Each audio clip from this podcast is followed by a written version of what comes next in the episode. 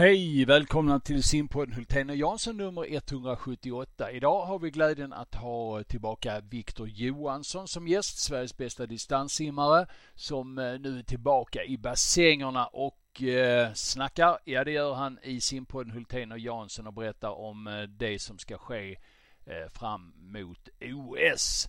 Eh, mycket spännande att höra Viktor, men sen får du också ett nyhetsblock där vi bland annat eh, avslöjar 18 stycken kandidater till tjänsten som förbundskapten i simning efter OS. Det är du, det vill du inte missa. Eh, nu kör vi simpodden Hultén och Jansson nummer 178. Välkomna! Nu ska vi snacka simning. Ja, om de gör det bättre, det vet jag inte, men de gör det oftare. Det är ju omänskligt. Ja, men det gör vi Bosse, vi trummar på. Simpodden, Hultén och Jansson.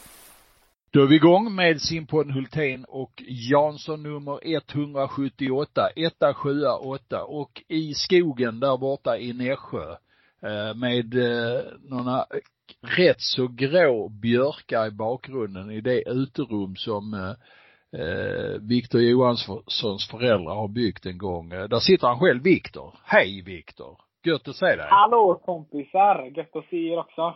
Ja. Du, vi ska snacka lite eh, simning och annat smått och gott nu ett tag. Eh, du har varit ute i media en hel del. Du börjar snart bli lite kändis och eh, nästan, ska vi säga, någon reklampelare för svensk sjukvård, eller hur är läget? jo, absolut. Så kan man också säga. Jag, det hade ju varit kul att vara kändis, men kanske inte för den anledningen som, som jag har- då. Men eh, Nej. visst, det är alltid bra att få eh, publicitet. Självklart. Mm. Mm. Du, eh, du gick på en smäll strax före jul. Kom hem den 23 december. Eh, och låg eh, på intensiven. Det var inte corona den här gången utan eh, vad var det egentligen som hände? Ja, jag fick en väldigt aggressiv bakterieinfektion i min hals. Så jag hade totalt tre stycken halsbölder i min hals. Två stycken i vardera eh, halsmandel och eh, en längre ner på, i luftstrupen. Så eh, jag fick ingen luft. Jag såg ut som en ballong i princip. Eh, fick ingen luft ner i lungorna. Så de eh, vakenintuberade mig och la mig i respirator och tog bort mina halsmandlar och tömde den bölden längre ner i, i halsen. Så det var, ja, det var en upplevelse kan man väl säga. Låter inte så mysigt och jag tror egentligen inte att vi ska fördjupa oss mer i det för jag, jag är rätt nöjd med att, bara förstå liksom vad som har hänt. Men så, så kommer du hem den 23 dagen innan julafton. Då säger Viktor Johansson full med energi, yes, god jul eh, morsan och farsan, hur eh, är läget här nu? Ja, det blev ju en väldigt lugn jul kan man ju säga. Eh, Ja. Den hade blivit lugn i vilket fall som helst med tanke på att ja, vi är ju fortfarande i en pandemi och då var det lite värre. Så det blev en väldigt bra jul för mig och egentligen bara kunna ligga på soffan, käka god mat och, och ta det väldigt lugnt. Mm. Eh, Så eh, ja, det var helt perfekt för mig. Mm. Vad hände sen? När, när kom du igång med livet igen? Du låg inte, hur länge låg du på soffan? En vecka eller? Nej, så när jag väl då blev eh, utsläppt från IVA så gick jag på antibiotika i två veckor till. Så eh, jag började inte träna förrän någon gång i början av januari. Eh, sjunde, åttonde kanske ungefär. Mm. Ehm, så eh, jag räknade lite på det härom, eller någon månad sedan nu, men jag tror att jag simmade ungefär fyra, fem månader hela 2020. Så eh, jag ligger lite back kan man väl säga. Ehm, ja. Men ja, ja, så är det. Sen har du kommit igång och tränat. Eh, har det gått bra träningsmässigt tycker du? Du är, Jättebra. vi ska säga också att, att du är i Jönköping nu och ingen annanstans. Du är inte på något flådigt eh, universitet i Los Angeles eller någonting annat. Utan det är Jönköping som gäller. Ja, även fast jag jättegärna hade velat ha eh, klimatet och värmen och sådär så, så funkar Jönköping jättebra nu. Och jag kommer stanna här till i augusti. Då jag åker Mm. tillbaka till Los Angeles igen. Men eh, träningen egentligen sen, ja, mitten av februari kanske, slutet av februari. Eh, då vi åkte iväg till Teneriffa på landslagsläger har gått jättebra. De första veckorna där, eh, när jag kom tillbaka efter den här eh, bakterieinfektionen, så var det väldigt lugnt. Första veckan tillbaka så fick jag bara simma tre simpass första veckan och sen nästa vecka, eller den andra veckan då så tror jag jag fick simma fem. Så det var en väldigt långsam, bra start för mig. För annars så brukar jag ju var ganska snabbt på det och kanske hetsade igång lite för tidigt. Men eh, Nico nu då, vår nya tränare från Neptun, såg till att hålla mig tillbaka. Och eh, det känns som att vi har varit på banan nu väldigt, vi, vi är på rätt väg liksom. Och mm. Summa Open nu, bland annat, eh, visar ju att vi är på, på rätt väg mot eh, det vi vill nå den här säsongen. Nico, ny tränare, hur trivs du med honom? Jättebra. En, mm. Det var precis som jag sa eh, Eh, jag sa det utan att tänka mig för när jag fick vara med på Nyhetsmorgon. Eh, en galen finne kallade jag honom för i TV. Så det, det stämmer ganska bra tycker jag. Han, är, han har humöret uppe på träningarna. Han, eh, han har alltid energi. Alltid skojar han med oss och sådär. Så nej, det var kanon, kanonbra coach för Jönköping. Han är väl ganska analytisk också? Verkligen. Det, när jag har mina serier och sådär så sitter han alltid med klocka, han kollar splittar vid 25-50, han kollar frekvens. Eh, allt möjligt som går att mäta. Sen skriver han in det i Excel-dokument, vet, för att få en, eh, ett average, ett genomsnitt på alla 50 och tider och frekvens och så vidare. Eh, för att ha så mycket data som möjligt. Så verkligen. Han är, han är klockren när det kommer på det. Du nämnde Swim Open. Det var ju imponerande med två 400 meterslopp på samma dag strax över 3.50 tycker jag. Vad tyckte du? Ja, men alltså, jag hade ju egentligen bara tränat i, ja, hårt kan man väl säga. Tränat hårt. De första veckorna giltades ju knappt eh, direkt. Jag bara fick vara och plaska i bassängen. Men eh, då Sumo Open gick så hade jag ju varit i vattnet ungefär 13 veckor. Eh, 12-13 veckor, varav kanske 7-8 veckor har varit ganska tuffa. Och på den korta tiden så tycker jag verkligen att jag har kommit en, en bra bit på vägen. Eh, Nico gav mig två dagars vila. Tisdag, onsdag innan tävlingarna började. Eh, så jag fick inte direkt någon eh, toppning eller sådär inför Summapen, utan det var mer att vi la ju, vi valde ju att lägga min eh, toppningstävling då, eh, Sette Colli, i juni då för att försöka kvala till eh, OS och försöka göra så bra mästerskap där som möjligt då för att Då ska vi säga Sjukullas trofé i Rom. Eh, är det som gäller som OS-kval för Viktor Johansson. Mm. Och, och sen ett ja, försiktigt, ja, förlåt. Nej, ja, jag skulle bara säga just för att jag var borta så mycket, eh, så tänkte vi att jag behöver så mycket tid som möjligt för att kunna träna. Eh, och då vila inför den tävlingen då i Rom. Ja, det blir ju bara ett knappt halvårs träning 2020 dessutom. Men, och sen blir det ett försiktigare 1500 och sen en okej okay avslutning med 800 ingen sista dagen på Swim, swim Open. Kan man eh, summera det så? Ja, men det tycker jag. Eh, 1500 har jag ju alltid haft mycket respekt för, tyvärr. Eh, det sa ju även Kalle när jag tränade med honom, att jag var en riktig fegis när vi kom till 1500 vilket jag, han har helt rätt i. Eh, och sen också då, jag menar, både 800 och 1500 tar ju mer stryk än vad min 400 gör, för att jag behöver mer träning för att kunna orka de längre distanserna. Eh, och bara träna hårt i åtta veckor inför en 1500 det funkar inte riktigt, utan jag behöver mer tid. Men att kunna lägga då en sämsta nivå på 15.30 och 8.01, eh, det är jag väldigt nöjd med. Mm. Eh, sen självklart då kommer det visa sig mer på 200 och 400 eh, vilket det gjorde också. Men eh, jag jobbar på det. Det, det tar mm. tid bara. Det, det är ju det. Simningen är ju en riktigt krävande sport och det, det går inte att bli bra över natten. Så eh, det kommer. När du, när, när du säger att du är en fegis på 1500, vad, vad, vad grundar du det på så att säga? Vad, vad utgår du ifrån då? Nej, men jag tror att eh, om man ser tillbaka exempelvis då på eh, Open 2018 när, jag, när man kan säga att jag var i, min, i toppform, kan man väl säga. Det var ju min, eh, min bästa tävling hittills. Ehm, så skulle jag ju säga då att både då 3.47,3 och 7.49 på 800 är betydligt bättre än 15.01 som jag hade på den 1500 eh, Just då bara om man jämför loppen det ska egentligen finnas mer eh, än den här 15 ändå. Det är bara att jag är lite, jag är väl lite rädd för att bli trött kanske. Jag är väl lite feg. Mm. Sitt, sitter det första 500 eller mitt 500 eller eh, lite varje hundra eller går det att definiera fegheten i, i, i tid så att säga? Jag brukar ju oftast, och det är egentligen det vi har pratat om hela tiden, att jag brukar ju alltid ha min sista 500 snabbast eh, på mina 1500 och Sen är det ju en fråga om det är rätt att simma så eller om det är fel, men för mig så har det funkat väldigt bra. Och jag menar 15 är ingen dålig tid. Men eh, om man då jämför med den kapaciteten som, som vi tro, trodde att jag hade då, så, eh, så trodde vi att jag hade mer i tanken med tanke på att min sista 500 ring har alltid varit ganska, som betydligt mycket snabbare. Framförallt än min andra 500 då, där jag går upp ganska mycket. Mm. så det är egentligen bara det vi har baserat det på. Det kanske är ett aggressivare schema efter en två, efter två 250 meter som är värt att pröva nästa gång. Ja, men precis. Precis. Men du, när du tränar, tränar nu inför sju kullars trofé och ska OS-kvala, vad är det som eh, eh, står framför näsan då? Är det 400, 800 eller 1500? Eh, i, jag kommer simma allihopa eh, i Rom. För att mm. försöka få hela spektrumet. Eh, om man bara egentligen tittar på tiderna och vad som hade varit lättast och försöka ta mig till OS på så är det 800 Ehm, som är enklast för mig. Jag menar att 400 346, det är ungefär en, ja, knappt en sekund under mitt personbästa. 1500 är också ungefär ja, en halv sekund, sex tiondelar under mitt personbästa.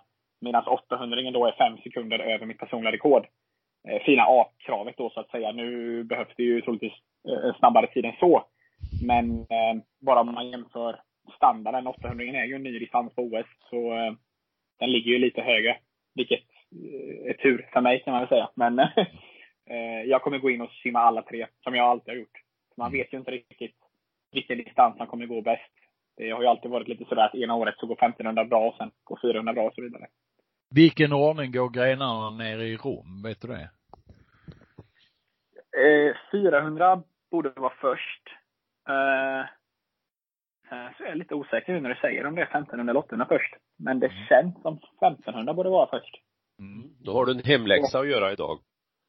Det har jag verkligen. Mm. Ja, eh, vad, vad händer nu fram till eh, det här eh, datumet när du på något sätt ska försöka kvala in och eh, träningsmässigt, tävlingsmässigt? Och frågan är också, finns det någon eh, livlina för dig om, om det inte blir eh, kval på sju kullars trofé i Rom? Kan du ringa en kompis då eller finns det någon annan livlina? Nej, alltså vad jag vet så är ju den tävlingen den sista i mm. kvalperioden. Det är det liksom, det är din sista chans. Och med tanke på att jag hade den tuffa, ja, egentligen hela tuffa 2020 så eh, har vi ju då valt att lägga alla kort på en tävling. Eh, mm. Det är liksom den chansen jag har för att försöka, för att försöka kvala in. Mm. Eh, så någon direkt livlina efter det, det tror jag inte. Ja, I så fall så åker jag hem och så tränar jag vidare inför eh, Thomas Janssons eh, 12 kilometer eller 10 kilometer upp i, i Värmland. Eh, Vi har satt nytt namn på den tävlingen. Den heter nu mer Great River Race Swim from Prästbäcken to Filipstad. Precis, och då, då blir det den jag taggar och tränar mot i så fall. Eh, nej, men träningen nu då så, nu är vi i full gång. Förra veckan blev eh, strax under 70 kilometer tror jag. Denna veckan ska vi nog upp mot en 80. 8500 meter i morse. Eh, så det, vi, är på bra, vi är på en bra träningsdos just nu. Eh, kommer åka iväg på EM. Kommer dock bara stanna där i tre dagar.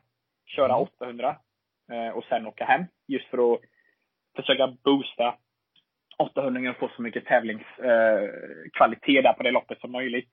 Mm. Och sen då åka hem och träna igen. Så det blir inte direkt någon vila inför EM, utan det blir mer åka dit, få bra Eh, sparring kan man väl säga och sen då åka hem.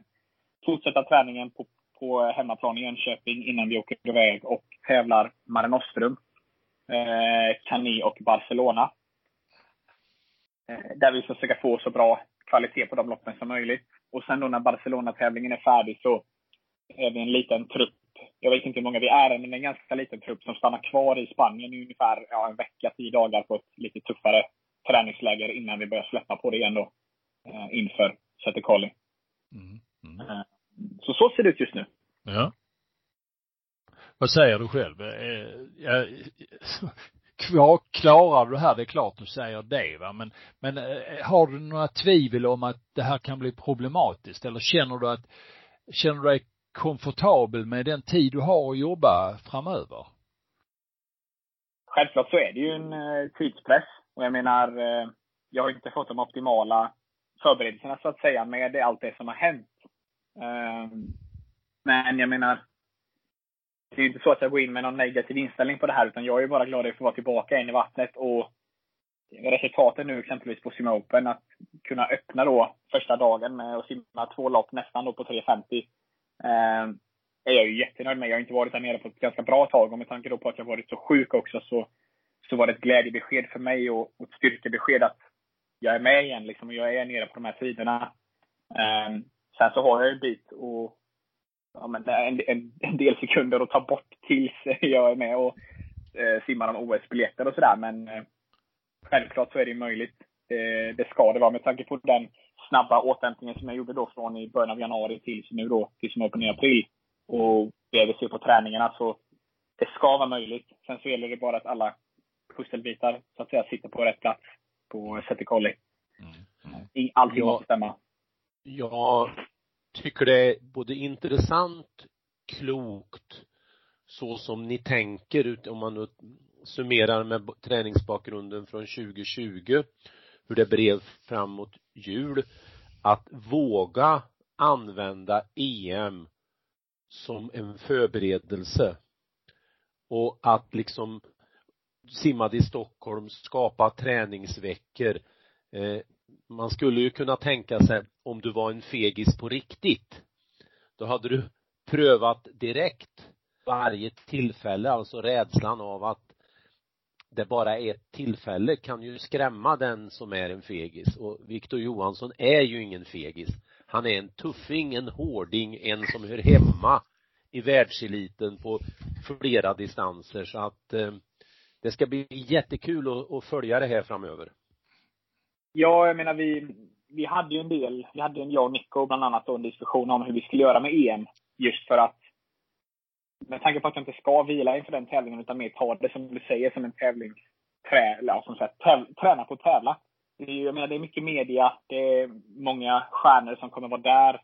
Man vill ju gärna prestera. Jag menar, man, om jag, risken var ju att jag skulle fastna i den här mentala tankegången att simmar jag inte bra på EM så kan det sätta sig i huvudet på mig inför Sette Colli och sänka mitt självförtroende och känna att jag inte är där än. Men det är liksom en risk som jag måste ta. Jag måste få, jag måste få simma mer 800 um, ehm, Eller mer, egentligen mer lopp generellt överhuvudtaget. Men um, det, det, får bli som det blir liksom. Jag är där för att, att få så mycket tävlings, uh, vad säger man, experience mm. som möjligt eh, träna på att tävla. Sen, eh, sen får det gå som det går. Jag, eh, jag har inga förväntningar egentligen. Jag gick in med den här säsongen att jag har inga förväntningar överhuvudtaget. Utan jag är bara så tacksam att få vara tillbaka igen. Det, det har varit ett väldigt tufft 2020 och det, det hade varit det skulle ha kunnat vara väldigt många som hade kunnat gjort sig av med mig för länge sedan exempelvis. Jag har ju sagt det många exempelvis då Ulrika Sandmark på simförbundet som jag har varit jättetacksam för under de här 2019-2020 att hon har inte slängt ut mig liksom. Det, utan hon har alltid funnits där och supportat mig trots att det har varit tufft. Jag fick åka på landslagsläger nu till Teneriffa. Även fast jag var väldigt, väldigt sjuk i eh, december och hade i princip bara börjat träna när vi åkte dit. Så eh, har de inte tappat tron på mig utan de har fortfarande funnits där för mig. Jag menar, hade det varit vilken annan sport som helst, fotboll, hockey, you name it, så presterar du inte så, så blir man oftast utkastad eller omplacerad och så vidare.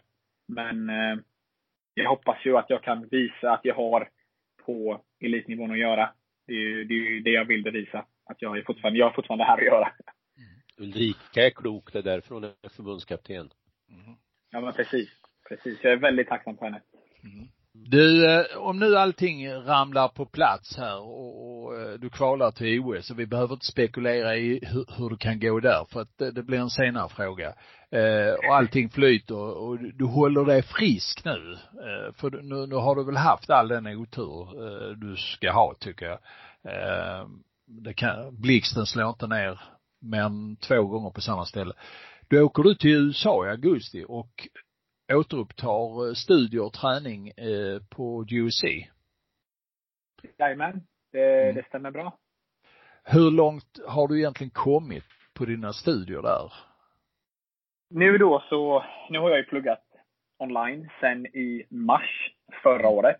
Mm. Eh, ganska trött på det kan man säga. Det, det är inte jättekul. Eh, utan jag saknar ju själva upplevelsen att kunna vara i klassrum, träffa eh, andra studenter och eh, kunna engagera sig sådär socialt med lärarna och professorerna. Men eh, nu då, så ungefär om två veckor så är jag färdig med mitt tredje år. Vilket okay. jag tycker är helt galet. För det känns som att jag precis åkte över till USA i princip. Mm. Men, ja, det, det var lite den känslan jag också hade att har, har han läst i ett år? Men det är alltså tre år, ja det blir så. Tre år.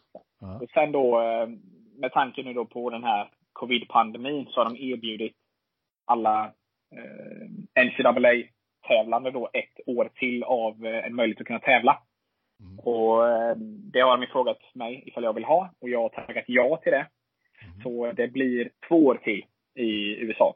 Mm. Eh, så kan jag förhoppningsvis också få en masters i ekonomi och kunna boosta upp min akademiska eh, karriär också. Mm. Så det blir en liten win-win så att säga. Mm. Så länge jag håller allting på banan. Jag menar det har varit ett tufft år nu med både överträning, covid och den här bakterieinfektionen. Mm. Så eh, jag har ju lärt mig en del. Eh, den tuffa vägen kan man ju säga. Så nu har jag lite mer koll på vad jag behöver göra och vad jag inte ska göra. Lyssna på kroppens signaler och så vidare när jag känner att det börjar bli för mycket. Eh, och när jag känner att jag behöver bromsa ner lite. Ehm, för det var ju någonting jag inte gjorde 20, ja, slutet av 2019, där början av 2020. Utan jag tryckte på bara istället. Det, det, det kändes som det var rätt då. Men eh, jag har lärt mig av mina misstag. Men du, om man tittar på USC idag jämfört med det USC som du lämnade eh, nu för ett bra tag sedan. Eh, vad är skillnaden? Eh, och då menar jag simmässigt. Skolan, det är väl rätt status quo? Ja, jo men precis. Eh, det är ganska mycket som har hänt. Jag har ju dock inte varit där, så jag har inte varit jätteengagerad i det så där kan man väl säga. Men vi fick ju en helt ny tränarstab egentligen i mars, april förra året. Eh, men jag läste lite tråkiga nyheter häromdagen på Swimswam att en av våra, våran huvudcoach, ehm, Jeremy Kipp då, som har tidigare varit på Northwestern, tränat exempelvis Hanna Brunsell, eh, varit hennes huvudcoach där. Han, han eh, är under utredning just nu för att ha varit aggressiv eller någonting på poolkanten. Så just nu har jag ingen aning om vad som händer. Det, det känns som att min skola har det har inte gått ett år utan att det varit någon sorts drama på min skola. Så jag vet inte riktigt. Det, det har varit mycket eld och skit och så vidare de, de senaste åren. Så eh, nu är jag lite osäker på vad som händer. Ifall, med tanke på att han hade visat aggression på poolkanten. Det var någonting om en vattenflaska som han hade sparkat på som hade hamnat i någons ansikte. Eh, Eh, och tyvärr hade börjat blöda, fått näsblod eller någonting. Så eh, vad jag vet så är det inte okej okay överhuvudtaget eh, på college i USA. Inte, det, är inte okej okay någonstans överhuvudtaget egentligen. Men de tar det ganska så hårt där. Och eh, han riskerar nog att få sparken. Eh, och då vet jag inte riktigt vad som händer om det är någon av de nuvarande tränarna som får upp, eller går upp då och får den här huvudtränarrollen, eller ifall vi får en helt ny coach. Nu har inte jag varit med Jeremy överhuvudtaget. Jag har ingen aning om hur han är som tränare egentligen. Um, så jag har inte direkt förlorat någonting på det sådär. Men uh, fortfarande tråkigt när det är sådana nyheter om en skola. För det kan ju sabotera för recruiting och så vidare sen framöver. Tappar man inte ett antal placeringar också på NC2As? I år? Om... På här sidan. Rent placeringsmässigt som lag. Eh, föll man inte tillbaka rätt så rejält eller har jag läst på dåligt här kanske? Du menar nu eh, i år? Ja. Jo, precis. Ja. Eh, det var ju lite olyckligt tyvärr att eh, hela våran freshman class hade, eller klass, class, hela vår freshman eh, årskurs kan man väl säga, eh, hade gått i samman i ett och samma eh, dorm. Under den här pandemitiden så fick man egentligen bara vara en person i varje sån här, sån här rum där de bodde då, i deras dorm. Mm. Men det var under en, en eftermiddag så hade de haft en liten middag. Alla freshmen i en, i ett och samma rum, 12 stycken. Grattis. och de hade fått, ja, och de hade fått lite sån här noise complaints och den här vakten för den här eh, lägenhets, eh, vad ska man säga, området hade kommit dit och sett att de hade varit 12 stycken i ett samma rum. Så hela den klassen blev utslängda och bannade från campus. Så eh, vi hade ju inga freshmen, tror jag inte, förutom två som var med nu då och tävlade på NCAA. Så de var, var en väldigt, väldigt liten trupp. Mm. Men precis som du säger så eh, absolut, de har gått, vi har backat eh, ganska rejält i, i placerings, eh, vad ska man säga, i, ja, i placeringar, tyvärr. Mm, mm, mm. Ja. Eh, två år kvar där eh, och förhoppningsvis så ramlar eh, OS-kvalet in som eh, brev på posten. Eh, Finns det något mer att, att se fram emot? Oj. Nej, men det är ju Thomas Janssons eh, simning där uppe i Filipstad. Det är väl det. Mm. Ja. Ja. Sen, eh, De blev-. De blev så förtjusta eh, i, i ehm, eh, dig när du var där förra året så att eh, de vill till och med att vi ska samla ihop pengar och värva dig till klubben. Så du får en sån här fin tröja på dig så att du får ju liksom, du får ju börja hetsa Jönköping nu att det kanske kommer ett, eh, ett bud som du får svårt att säga nej tack till. Nej, det var väldigt trevligt förra året och vi ska försöka göra det så där trevligt i år också och hoppas du får med dig lite Jönköpings kompisar. Det ligger ju efter OS så att egentligen så har du ju möjlighet att göra både och. Ja, om det skulle bli så, så har jag absolut det. Men jag menar, nu är det ju, jag tittade lite på andra sådär tävlingar. Universiaden har blivit inställd, så i så fall hade det väl varit ja, SM. Och sen eh, inte så mycket mer med det tyvärr då, med tanke på att de flesta tävlingarna är inställda fortfarande. Mm. Ehm, men eh, det är så det är. Nu, nu Ja. är ju målet att försöka ta mig till OS, men gör jag inte det så gör jag inte det och då, jag är okej med det. det. Jag måste ändå ta hänsyn till det året som jag hade förra året och det som hände i december. En, eh, en 22-åring ska inte ligga i respirator, då är man ganska så sjuk. Mm. Ehm, och det måste jag ta hänsyn till. Och en 22-åring kan simma OS eh, 2024 och 2028 också. Absolut. Det, det finns gott om tid och det är jag väldigt glad för. Men eh, sen samtidigt så, jag var ju och, och, och nuddade på de här tiderna redan då 2016. Tyvärr lite för sent då när vi simmade EGM där. Eh, var ju under fina A-kravet på 400 exempelvis, men det var lite för sent. Och jag menar, när, det, när, jag, när jag märkte att jag var med där i, ja, men i, i, i eliten i världen så satte jag ju upp 2020 som ett, som ett mål att jag ville vara med och till och med slåss om finalplatser och så vidare. Sen har ju en del hänt sen dess. Eh, Så jag hade jättegärna velat åka dit och få den erfarenheten man kan få för att sen då så bara kunna göra 2024 så bra som möjligt. Men eh, skulle inte det ske så, så är jag okej med det. Det är fullt förståeligt. Och det är jag väldigt glad över att jag har eh, kommit överens med mig själv om det. Annars hade jag kunnat bli ganska så förbannad i så fall. Låter bra Viktor. Eh, har du något mer Jansson? Som du En ska- sista fråga. Jag vill veta i detalj vad du tränade den här morgonen. Oj, oj, oj, oj. Okej. Det var 8500 meter. Det var ett insim på ungefär 2000 meter skulle jag vilja säga. Lite blandat sådär, gott och gött med lite drill och lite sådär. Sen så var det nog en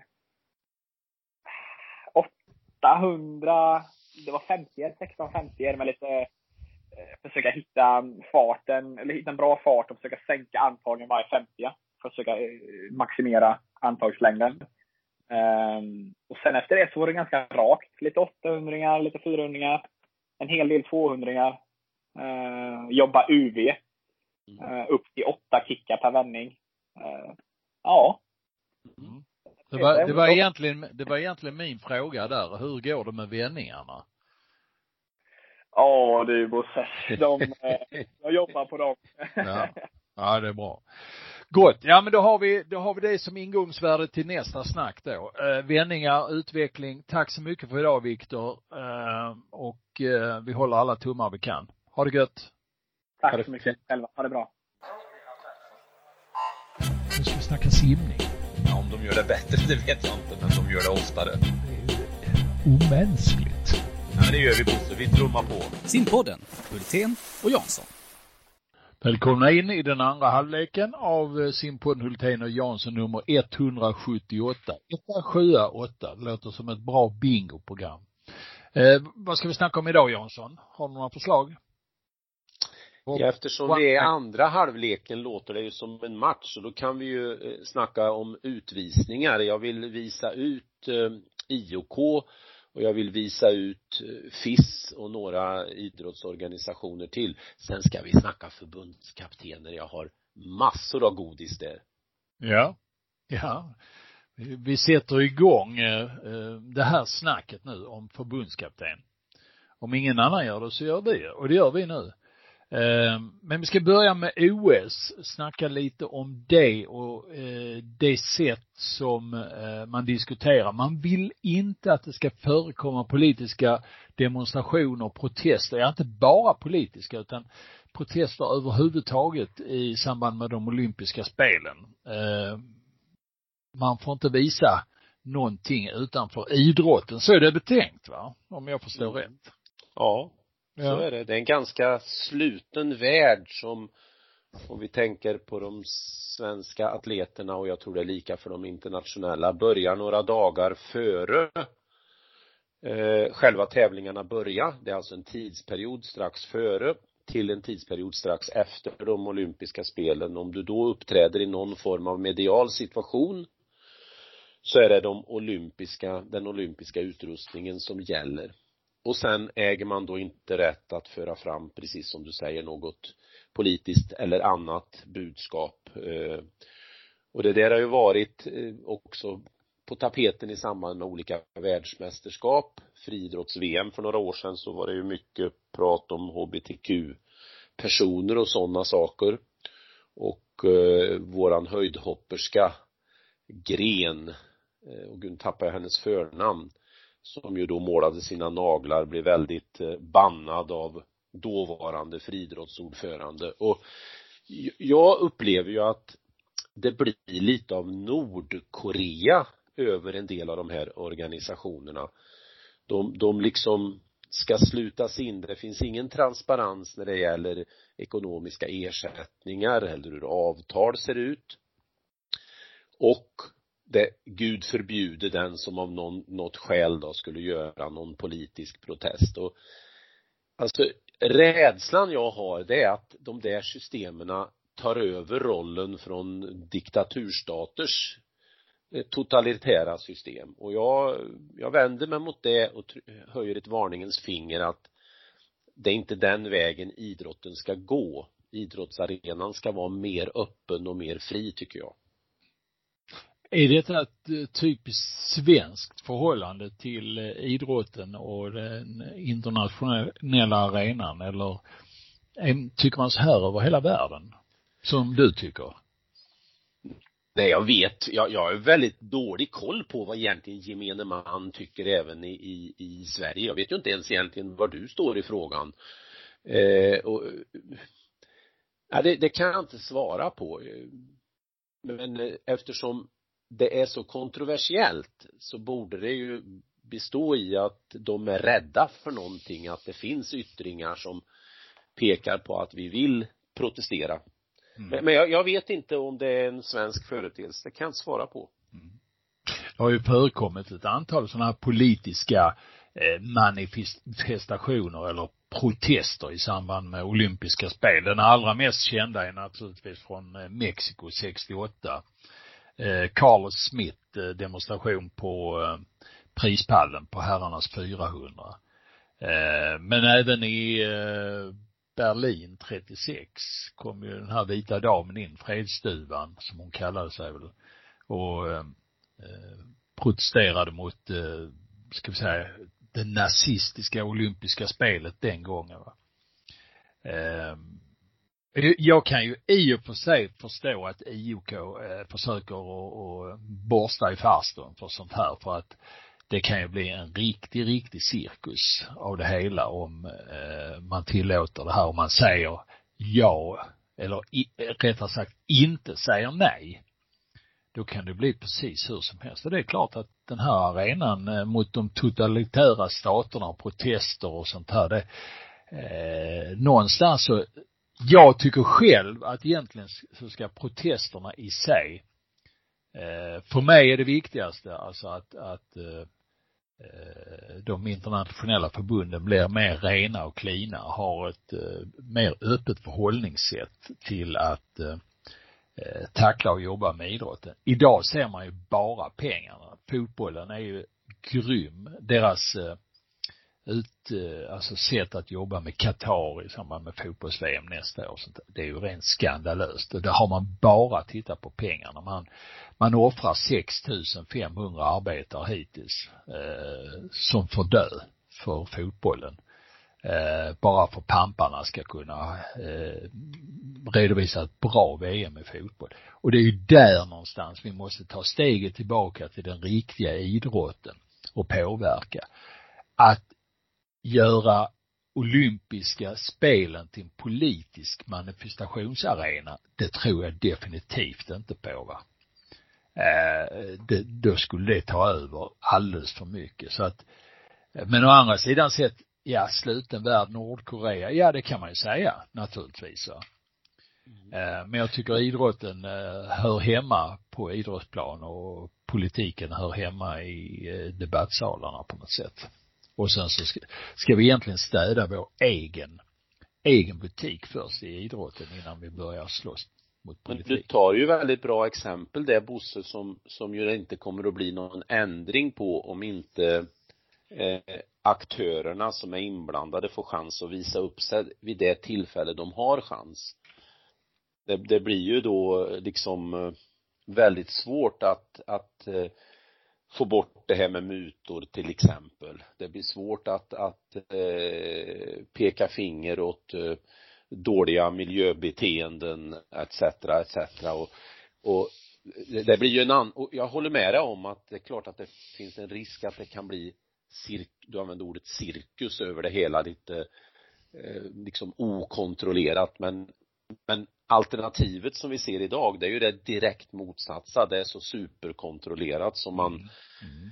Eh, ja ja jag nästan ja, morilla blir fel ord men jag, jag har reagerat mer och mer.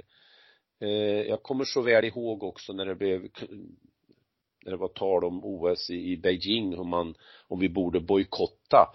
Och då kände jag ju att jag var eh, jag var lite för feg i min tanke jag liksom innerst inne tyckte att, ja men gud, ska man protestera då måste man ju protestera och så fanns ego, tog egoismen att vara med överhand och det är klart att då, då tar det ju längre tid med förändringar. Så att lite mer öppet skulle alla de här stora organisationerna tjäna på. Men hur det skulle gå till, det vet jag inte. Det är jättesvårt. Men alltså man kan ju backa bandet hela vägen ända ner till de organisationer som vi på något sätt ser framför oss. Eh, till exempel så, så kan man då, om vi tittar på ett beslut som Sverige har tagit under det här året det är att eh, då gynna det danska pampväldet med att eh, hon, den här kvinnan som var VD i danska simförbundet, sparkas snett uppåt till en plats i europeiska simförbundets eh, styrelse. Den diskussionen eh, skulle ju tagits på hemmaplan och varit mer initierad och öppen från början, se till att hon inte hamnar där Eh, nu har en människa som ser mellan fingrarna och eh, gillar pampväldet sparkats uppåt på vår, med, med hjälp av oss. Det vill säga vi som har valt vår simförbund som sedan har tagit ett nordiskt eh, eh, beslut att, att eh, supporta denna personen för att få henne vidare. Och så länge vi puttar upp den här typen av personer som ser mellan fingrarna på, ska vi säga, kalla det inte vardagliga problem, för det är inte det jag menar, men alltså att problemen på hemmaplan skjutsats ut på ett högre internationellt plan. Då, då, då lyckas vi inte ens städa här hemma va. Mm. Alltså för mig är det så att vi måste börja jobba med det här från, från botten och se till att till exempel att det inte hamnar sådana här människor som den här Maglione som fina internationella, eller presidenten som Eh, hoppade in för att hjälpa världen 2009 och skulle vara kvar ett år, nu avgå 12 eh, år senare. Den typen av människor, pampas, ska vi inte ha i vår idrott. Och det är det vi ska jobba för. Men så länge vi har en, ett, ett upplägg där de förbunden eh, i alla länder har en röst. USA har en röst, Qatar har en röst, även om Qatar inte har mer än två simmare och USA har eh, tiotusentals, så har eh, det amerikanska inflytandet inte större. Och det gör ju att, att det öppnar för mutor på ett sätt som mutor och, och eh, oegentligheter på ett sätt som inte är bra. Va? Alltså, det är ett jätteproblem. Och det är inte bara problemet att man inte ska protestera på ett eh, OS. Det tycker jag det är liksom, det är för populistiskt att ta det och slänga i, i eh, knät på eh, Janne Jan Andersson, fotbollskapten eller något sånt där. Det är inte där problemet ligger, utan problemet ligger längre ner. Vi måste jobba underifrån för att städa idrotten och göra idrotten rumsren. Annars går det med idrotten som det gjorde i gamla Grekland. Allting blev så jävla korrumperat till slut så att idrotten försvann. De olympiska spelen lades ner och så kom de inte tillbaka från 1896, 2000 år senare. Vi är alltså överens om vad det är vi inte vill ha. Och vi är överens om att det finns mycket städuppgifter att göra och det räcker inte bara med en dammsugare. Eh, vi är inte riktigt överens om vilka metoder ska man få ta till på de olika nivåerna. Eh, jag får fundera vidare i ämnet. Mm. man bygger inte ett hus uppifrån och ner, man börjar med grunden. Det är lite så. Ja. Fast nu står ju huset där. Ja, ja, ja vi fortsätter en annan gång. Ja så kan det vara mm. Du, eh, ojäm, ojämlikhet, ojämlikhet inom idrotten, kan man säga så? Ishockeyn. Eh, ja, alltså. Hockey-VM för damer ställs in, men inte för herrar. Varför är det så? Nej men, alltså i, i botten är det ju en massa ekonomiska intressen som, som styr va. Det innebär ju, om vi då tar det exemplet att eh, det blir självklart att hitta lösningar på hockey-VM därför att stora ekonomiska intressen står på spel och herrhockey är hos gemene man faktiskt tycker, tycker gemene man är viktigare. Eh, man förstår inte bättre om jag uttrycker mig lite elakt. Och då blir det ju en sån effekt att, ja, det blir för krångligt med de idrotter som, eller de företeelser som inte har lika stort ekonomiskt intresse att corona-anpassa. Och då väljer man att hitta eh, i det fallet att okej, okay, enkla vägen, vi ställer in ishockey-VM för damer. Nu vet jag att till exempel finska ishockeyförbundet, en, en stor ros till dem, de försöker hitta en lösning åt damerna och kunna arrangera det där, men ishockeyförbundet har ju tagit ett beslut att det är inställt. Andra sådana exempel coronapengar eh, delas ut inom eh, eh, ja, från RF kopplat till, till ja, det, det är ju staten som delar ut pengarna. Och då, om vi tar ett exempel.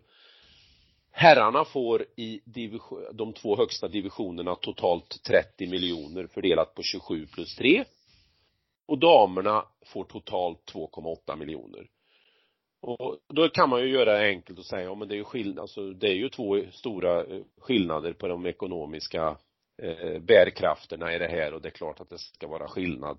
Men det symboliserar ändå lite grann problemet för att är det då som så att det är så stora ekonomiska skillnader då borde man ju till att börja med få upp debatten varför är det så på ett mer seriöst sätt.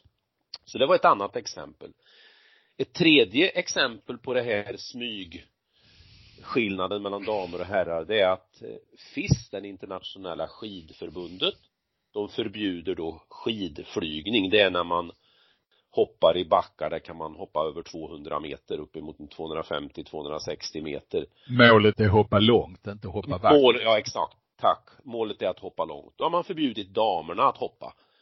Utan liksom att tänka efter att det finns kanske massor av damer Eh, som ju lätt skulle kunna anpassa sig. Det är ju ingen som går upp och ställer sig och hopp, vill hoppa 250 meter om de inte har förberett sig. Alltså ska man inte börja med ett, en könsskillnad. Vi har många gånger eh, förundrats över längdskidornas olika distanser etc. Eh, vi har förundrats över att när SVT har möjlighet att fylla på i sitt programutbud, då väljer de NHL-hockey Alltså både utländsk idrott före inhemsk idrott, herrar före damer. Och så kan man fortsätta listan eh, på att ojämlikheten mellan damer och herrar är så stor och kommer att ta så lång tid om vi inte liksom mer radikalt eh, på varje punkt slåss för varje centimeter. Väl talat. Bara du inte börjar säga att jag ska behöva se bandy på tv också så är jag lycklig. Men annars så känns det bra. Ja. Det är väl rätt. Och det är inte far, mer farligt för en kvinna att utöva skidflygning än en man för att man, eh, för, hoppar man i backe så är man ju på samma höjd över marken hela tiden oavsett eh, längden på backarna. Så det, det är rätt intressant faktiskt. Ja. Ja. Skidflygare, tänk du, 250 meter. Ja men det är så jag... häftigt att se. Jag har sett på tv några gånger när de hoppar ja, så långt. Det är, det är grymt häftigt att se. Ja, det är, och sen bara fortsätter de in i oändligheten, flyger meter efter meter, kilometer efter kilometer. Ja, ja det är vackert. Ja. Jaha, du, eh, raskt över till den idrott som eh, vi eh, tror oss någorlunda kunna någonting om. Eh, och då eh, det finns då är, en delad uppfattning om det. Ja, det, det är det. Vi ska snacka förbundskapten i simning. Eh, det är ju så att eh, vår förbundskapten Ulrika Sandmark, hon ska sluta efter OS och vem vill vi ha? Och då är frågan, ska man snacka utifrån tjänst eh, eller från person? Vill vi, vet vi vad vi vill ha för människa?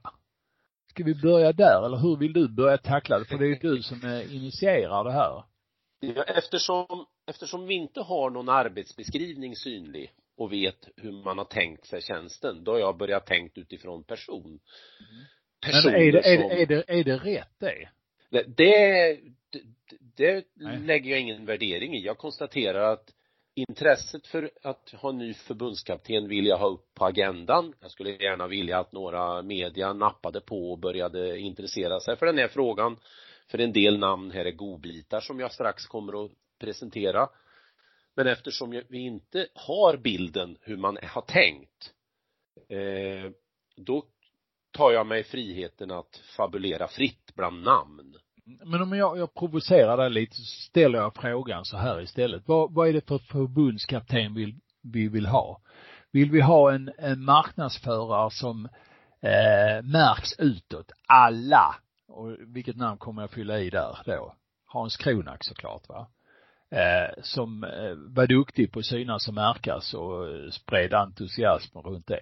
Eller vill vi ha en analyserande eh, eftertänksam eh, eh, förbundskapten som tittar inåt eh, och jobbar med simmarna enbart och har det som fokus och eh, är mer, eh, ska vi säga, simtränare som blir förbundskapten. Eh, och då lyfter jag inte fram något namn där. Eh, skulle... Det är inte alls provocerande, alltså du ställer ju ungefär som att vill jag ha en bil som är snabb eller ska han se snygg ut? Ja.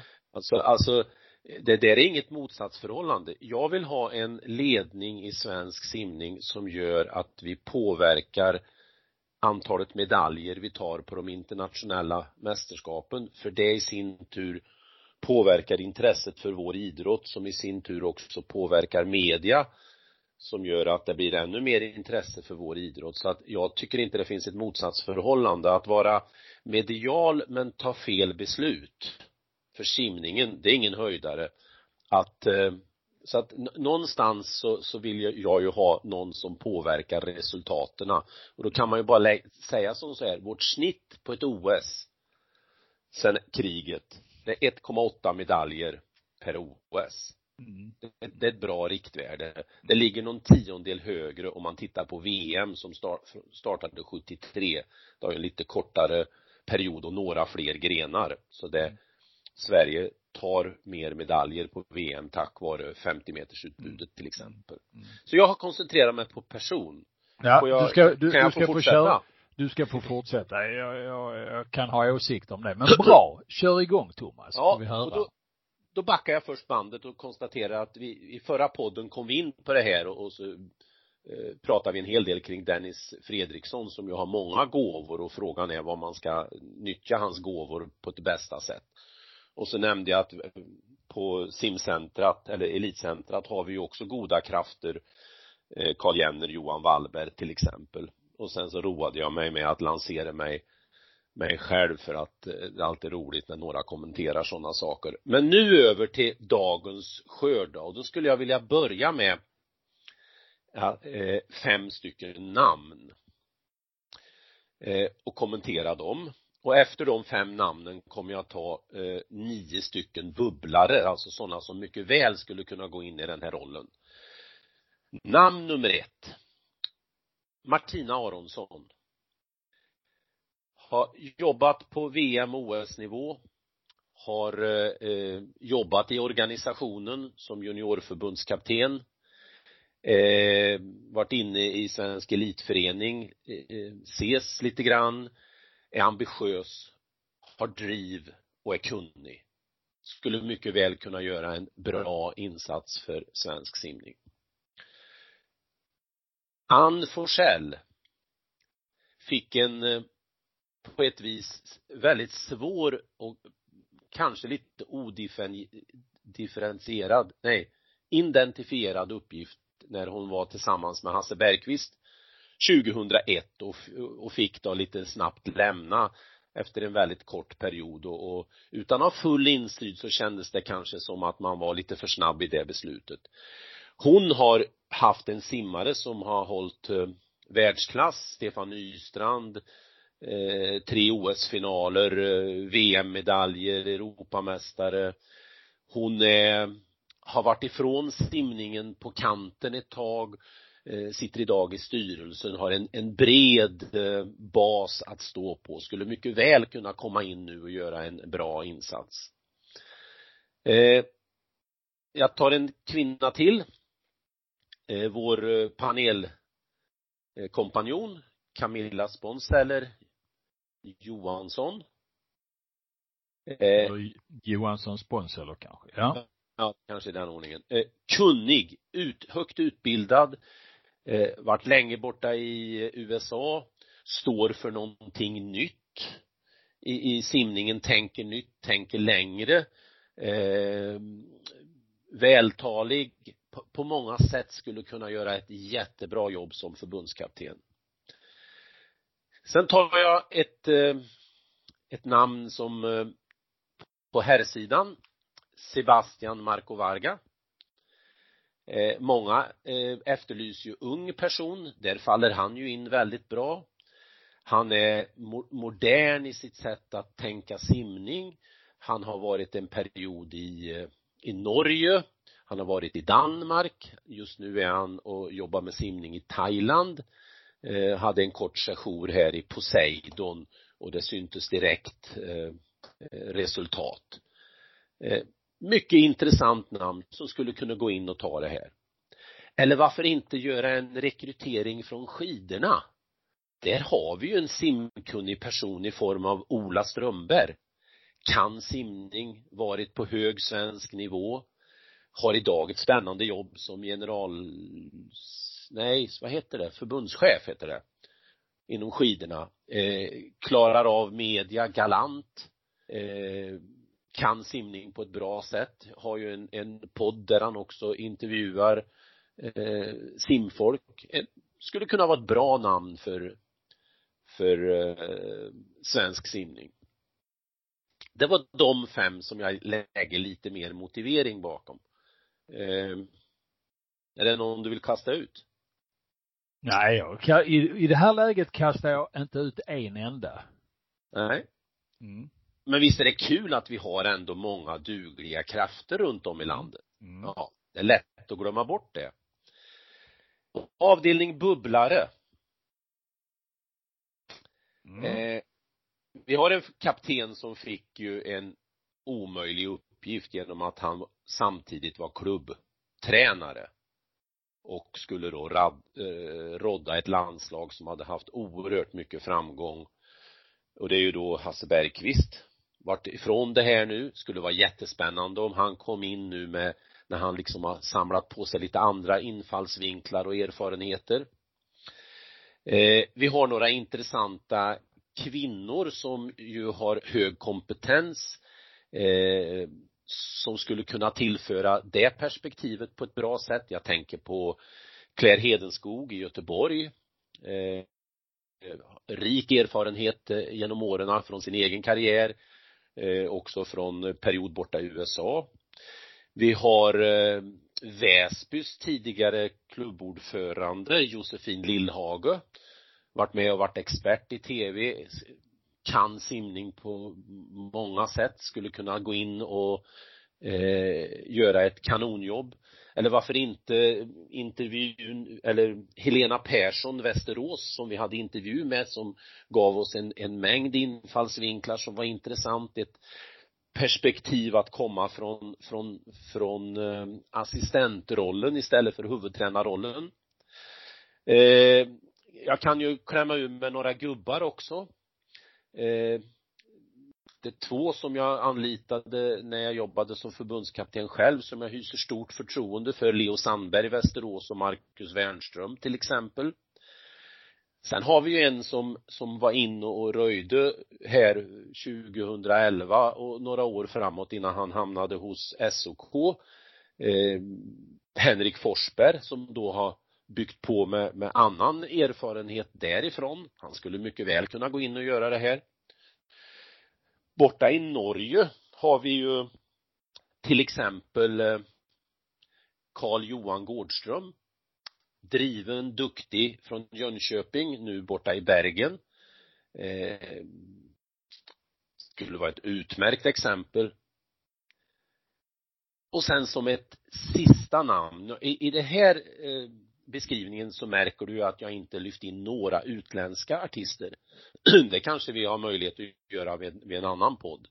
Men det sista namnet, i alla fall för den här podden, som jag lyfter, som skulle vara jättespännande. Förnamnet börjar med L. Efternamnet börjar med F. Han är en mästare. Lars Frölander kunskapsmässigt han har det mesta har en bra ålder för det här nu, född 74 så summa summarum oavsett vilken arbetsbeskrivning man väljer vi har att ösa ur med dugliga krafter inom svensk simning såväl damer som herrar eh, och bland de här kanske svaret finns. Mm. Spännande. Ja. Och du vill ja, ha min jag, åsikt nu om min... Jag. Jag, jag satte mig ner under några timmar och, och, och grävde i tanke och eh, var inne lite på hemsidor och liksom försökte få en bild va och då dök det här upp. Mm. Sen är det säkert många som tycker man har glömt några och då bevisar det ju bara att vi har ännu mer godis att ösa ur ur simskafferiet. Mm. Mm. Spännande. Mm. Väldigt spännande. Ja. Eh, du ska inte få riktigt medhåll av mig idag. Faktiskt. Utan eh, eh, jag tycker det är jättebra att du har eh, lyft fram alla dessa här. Och eh, naturligtvis är det så att jag tycker eh, mer eller mindre om några va. Och eh, jag, jag låter, låter det här liksom sväva i luften. Det ska bli kul att höra om vi får några reaktioner på det. Mm. Bra jobbat Thomas. Mm. Nu har Tack. du gjort halva simförbundets styrelsejobb ju. Som, jag, har ju, jag har ju suttit där Ja. Mm. Exakt. Mm. Så nu, jättebra. De är säkert glada för att ha fått all den support som du har gett dem nu. Du, eh, vi låter det här eh, sväva iväg och så ska vi se om det är någon som eh, eh, nappar. Eh, det ska bli väldigt kul. Och ni får gärna skriva till oss och säga vad ni tycker och tänker. Det är kanske till och med så att vi har en liten gallup och simmar för att se vad folk eh, tycker. Det hade varit kul. Mm. Eh, naturligtvis. Därmed, vill du säga något mer idag? Nej. Nej, nu hämtar jag andan och tar sats mot de sista skottkärrorna som ska rallas iväg med grus. Det är bra. Lycka till säger jag när du går med din rullebär fram och tillbaka. Eh, vi tackar er som har varit med och lyssnat idag. Välkomna tillbaka nästa vecka med en ny spännande gäst i simpodden Hultén och Jansson, då nummer 179, 179. Tack för idag, slut för idag, hejdå. Nu ska vi snacka simning. Ja, om de gör det bättre, det vet jag inte, men de gör det oftare. Det är omänskligt. Ja, men det gör vi Bosse, vi trummar på. Simpodden, Hultén och Jansson.